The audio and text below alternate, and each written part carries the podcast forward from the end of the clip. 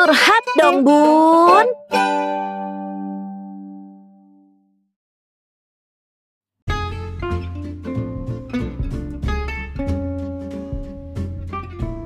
Bismillahirrahmanirrahim. Assalamualaikum warahmatullahi wabarakatuh. Curhat dong bun.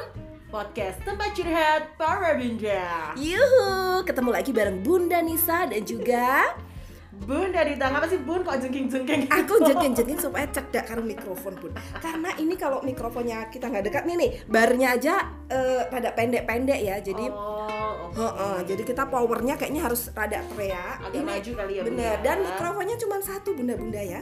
Kalau mikrofon tiga gitu kita nggak perlu teriak kali ya. Iya, sedangkan di sini kita tuh ngomongnya bertiga. Ya, Rode, sponsor mikrofon boleh masuk atau siapa pun itu boleh ya nyponsorin mikrofon satu-satu baik nggak nggak bercanda ya bun oke kali ini kita ketemu di podcast curhat dong bun season 2 episode 10 dan di episode 10 ini beda loh bun Dita Apa tuh yang bikin beda? kalau biasanya cuma diisi ngobrol antara Bunda Nisa dan Bunda Dita kali ini ada eh, psikolognya Yeay, Yeay. akhirnya ada ilmu yang bener ya. Ya, ada ilmu yang benar setelah dari episode 1 ke 9 itu cuma isinya rumpian ibu-ibu. Ibaratnya kita hijrah lah ya, Bun Ya. ya.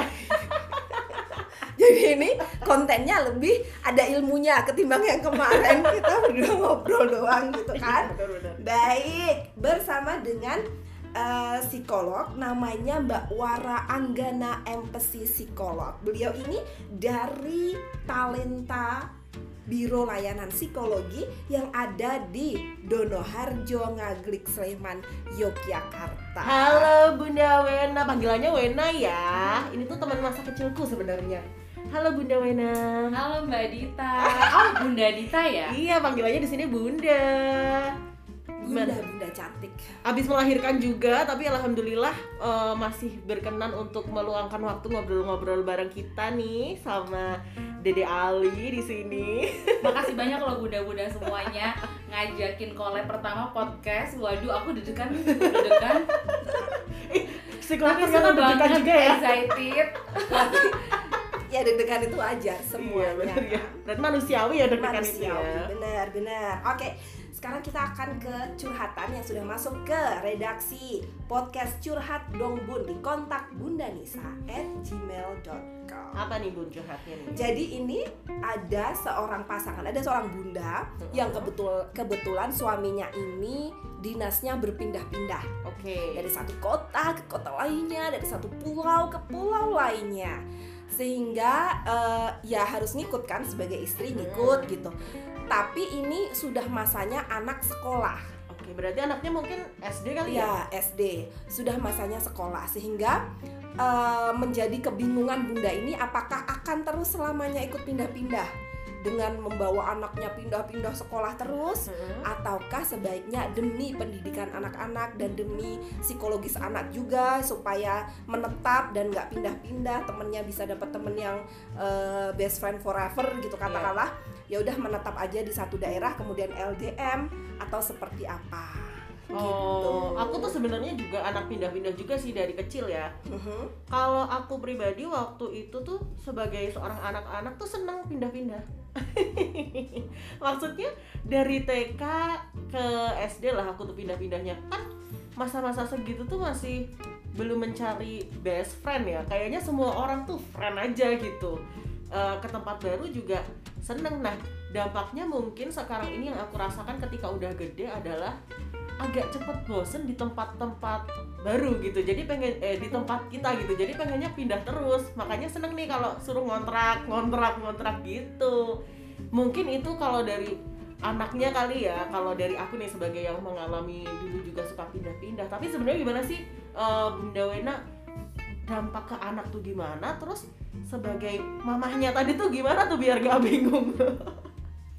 Iya, jadi memang bu pindah-pindah tempat itu juga kayaknya bukan hal yang mudah pada dasarnya.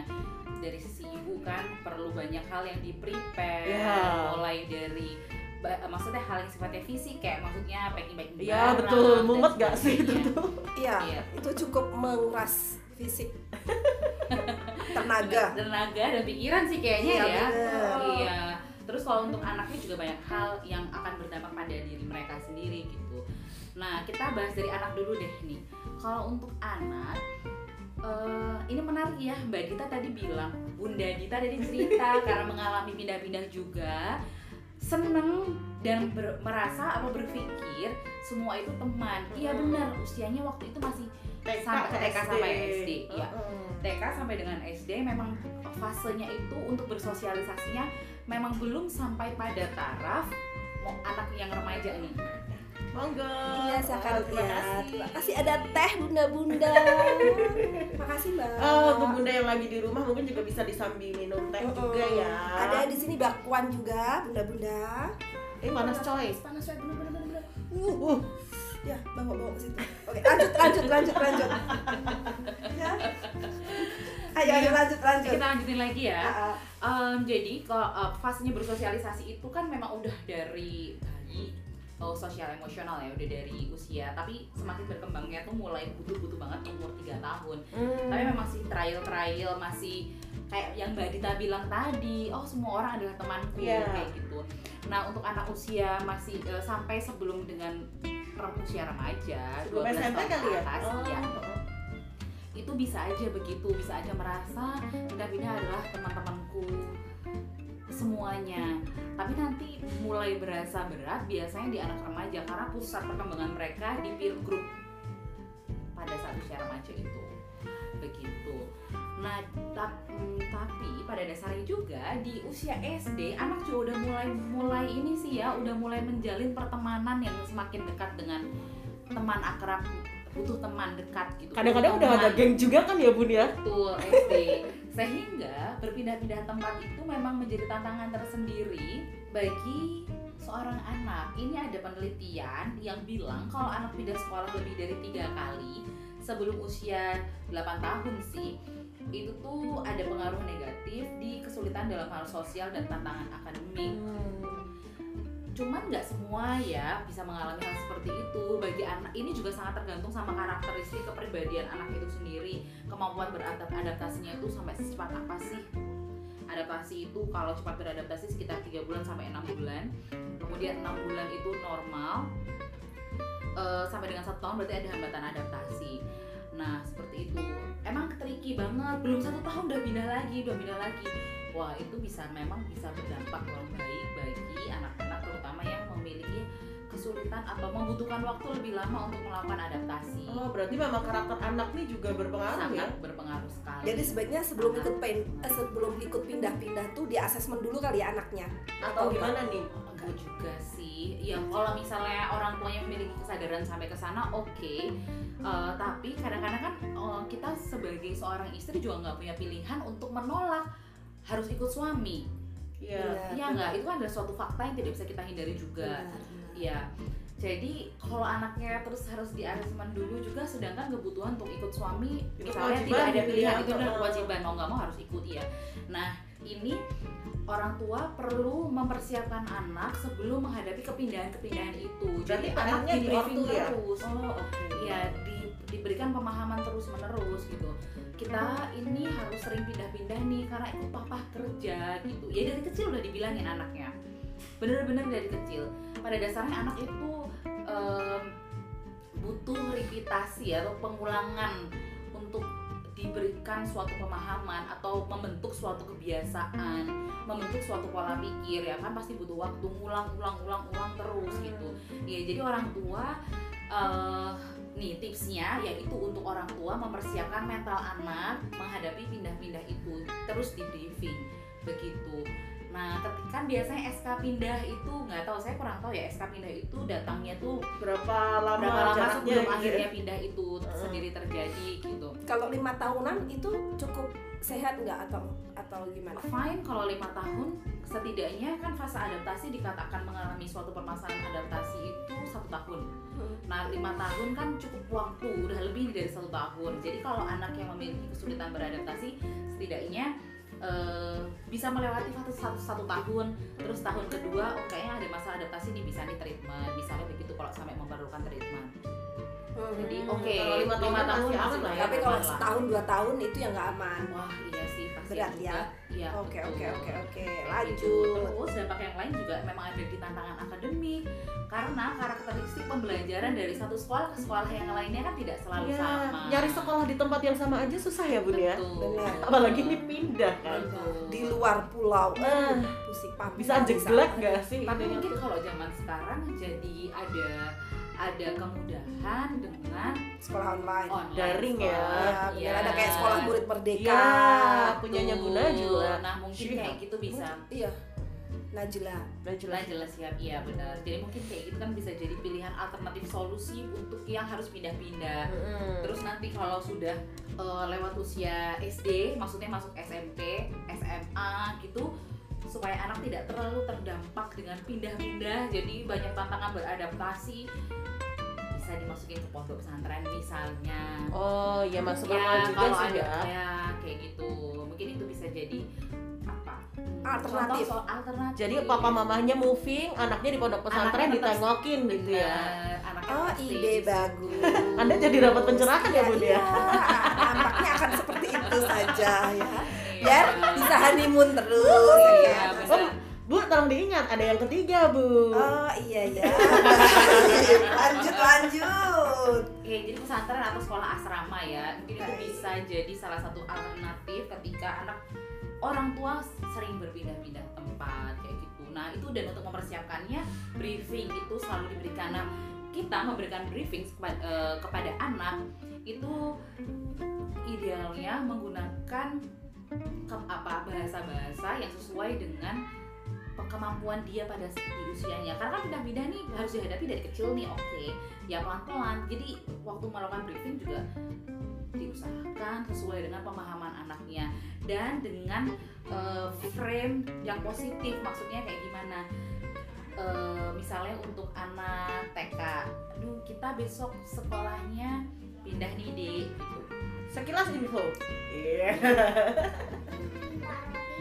oh boleh Oh, saya iya. silakan Kesukaannya dibawa ke dalam juga boleh Boleh, boleh. monggo Lanjut bun.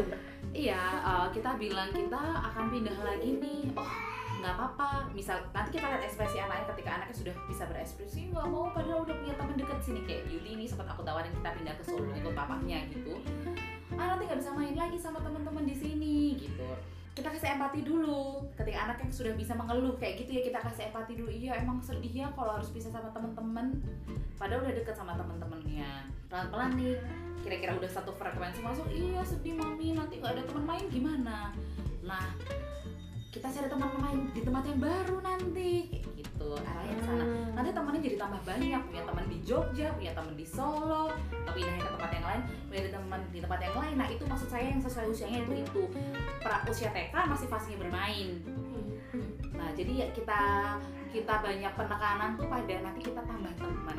Terus punya permainan yang baru misalnya oh nanti sama-sama zaman sekarang udah asik ya bisa searching gitu. Apa sih tempat wisata yang menarik di sana persiapan-persiapan seperti itu mungkin bisa dilakukan untuk mempersiapkan mental anak menghadapi pindah-pindah untuk dari sisi anaknya gitu nanti kalau misalnya untuk usia SD Sesuai tahapan iya, usianya. Intinya kayak penjelasannya itu sesuai dengan tahapan eh, sesuai dengan umur dia yang bisa kemampuan diterima. dia berpikir Yes, iya benar kayak benar gitu. benar. Kalau Bunda sendiri tadi sempat nyinggung bahwa suami di Solo Iya. dan nggak kepikiran untuk nyusul atau tetap LDM seperti ini. Em, kepikiran ya kepikiran dong apa untuk nyusul. Ha-ha. gitu. Nah ini menarik ya. Eh, akhirnya kita cari win-win solution. Eh, gini gini. Tentunya ketika akan mengambil suatu keputusan itu kan kita perlu mempertimbangkan plus minusnya semuanya kita ukur-ukur. Mhm. ya enggak nanti Mhm. keputusan mana yang terbaik untuk diambil Yes. gitu. Kemarin ini jadi sedikit, sedikit cerita ya. Kemarin kita memutuskan untuk LDM dulu. Eh, awalnya memang pembahasannya cukup singkat sih karena waktunya singkat banget. Jadi eh, suami sekolah eh, suami ke Solo itu dalam rangka sekolah spesialis. Eh, sekilas info untuk pendidikan dokter spesialis itu sistem pendidikannya jauh berbeda dengan sistem pendidikan em, keprofesian yang lain. Dia punya sistem sendiri nih kedokteran punya sistem sendiri gitu. Eh, tahun pertama awalnya memang kita memutuskan untuk LDM dulu supaya papi, papahnya anak-anak bisa benar-benar beradaptasi Fokus gitu ya. fokus adaptasi di pendidikannya itu. Soalnya itu tadi pendidikan dokter spesialis itu sistemnya beda sama pendidikan yang lainnya. Nggak ada ya yang modelannya kuliah di kampus duduk dengerin dosen itu nggak ada. Full kuliahnya di rumah sakit. Hmm. dan kalau udah ini saya kasih apa gambaran. gambaran ya. Eh, masuk itu kan Senin sampai Jumat dari pagi nanti tergantung stasenya.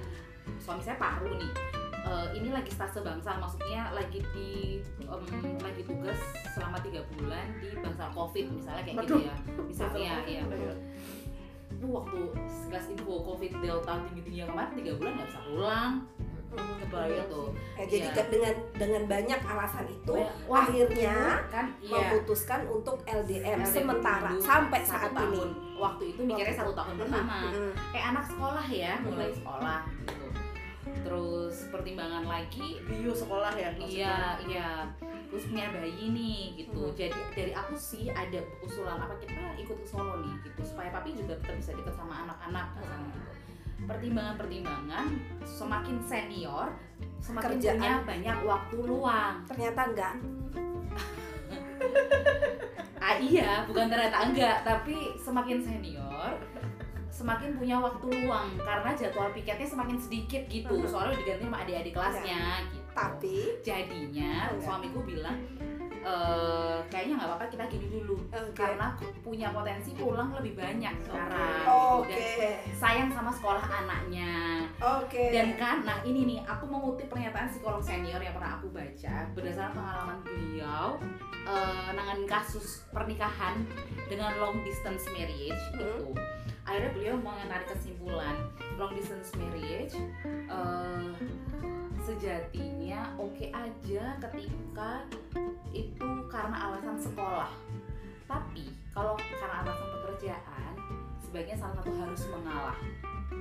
Karena tetap pernikahan jarak jauh tidak sesehat pernikahan jarak dekat yang selalu bertemu. Begitu. Jadi akhirnya dengan pertimbangan itu ya karena udah ini juga pertimbangan LDM sekolah aja. Ah, Ya, Oke. jadi sekolah itu kan eh, ada hilalnya selesainya kapan Hmm, tapi kalau dengan seperti itu Bunda mau memutuskan LDM sampai kapan? sampai lulus kuliah Sampai lulus kuliah. iya sampai suami lulus kuliah Sampai lulus kuliah, Iya. kemudian baru ke akan sini. balik ke sini. Oh, oh. Oh, bukan Bunda nyusul ke Solo.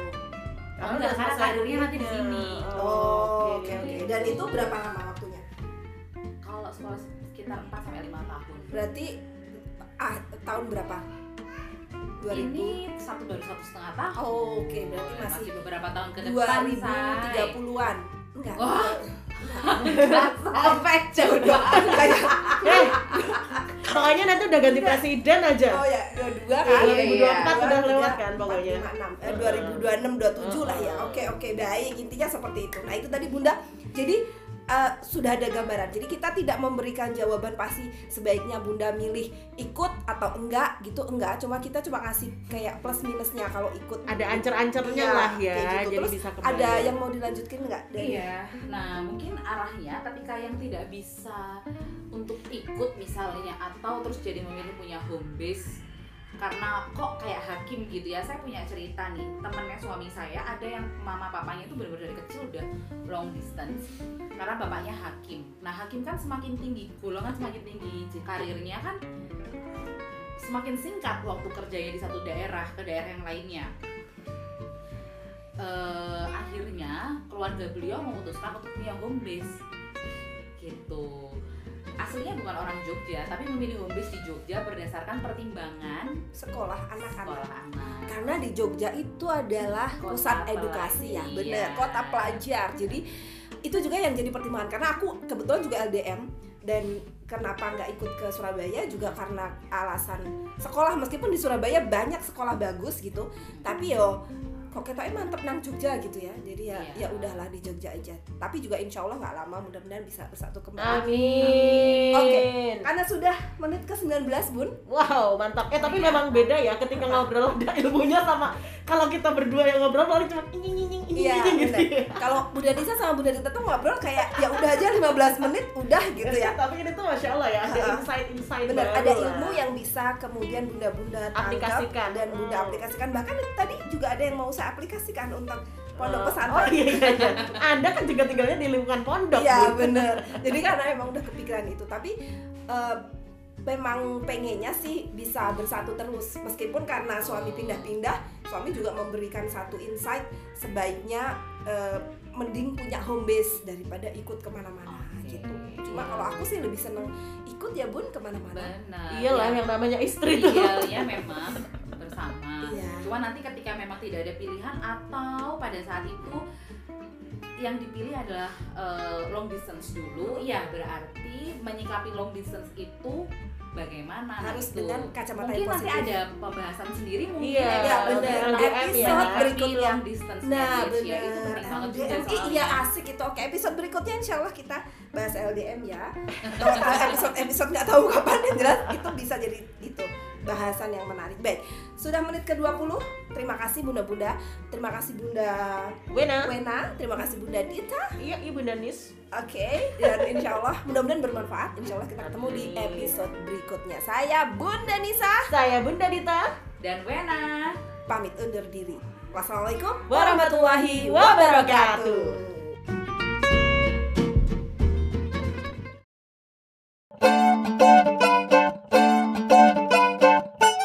Curhat dong bun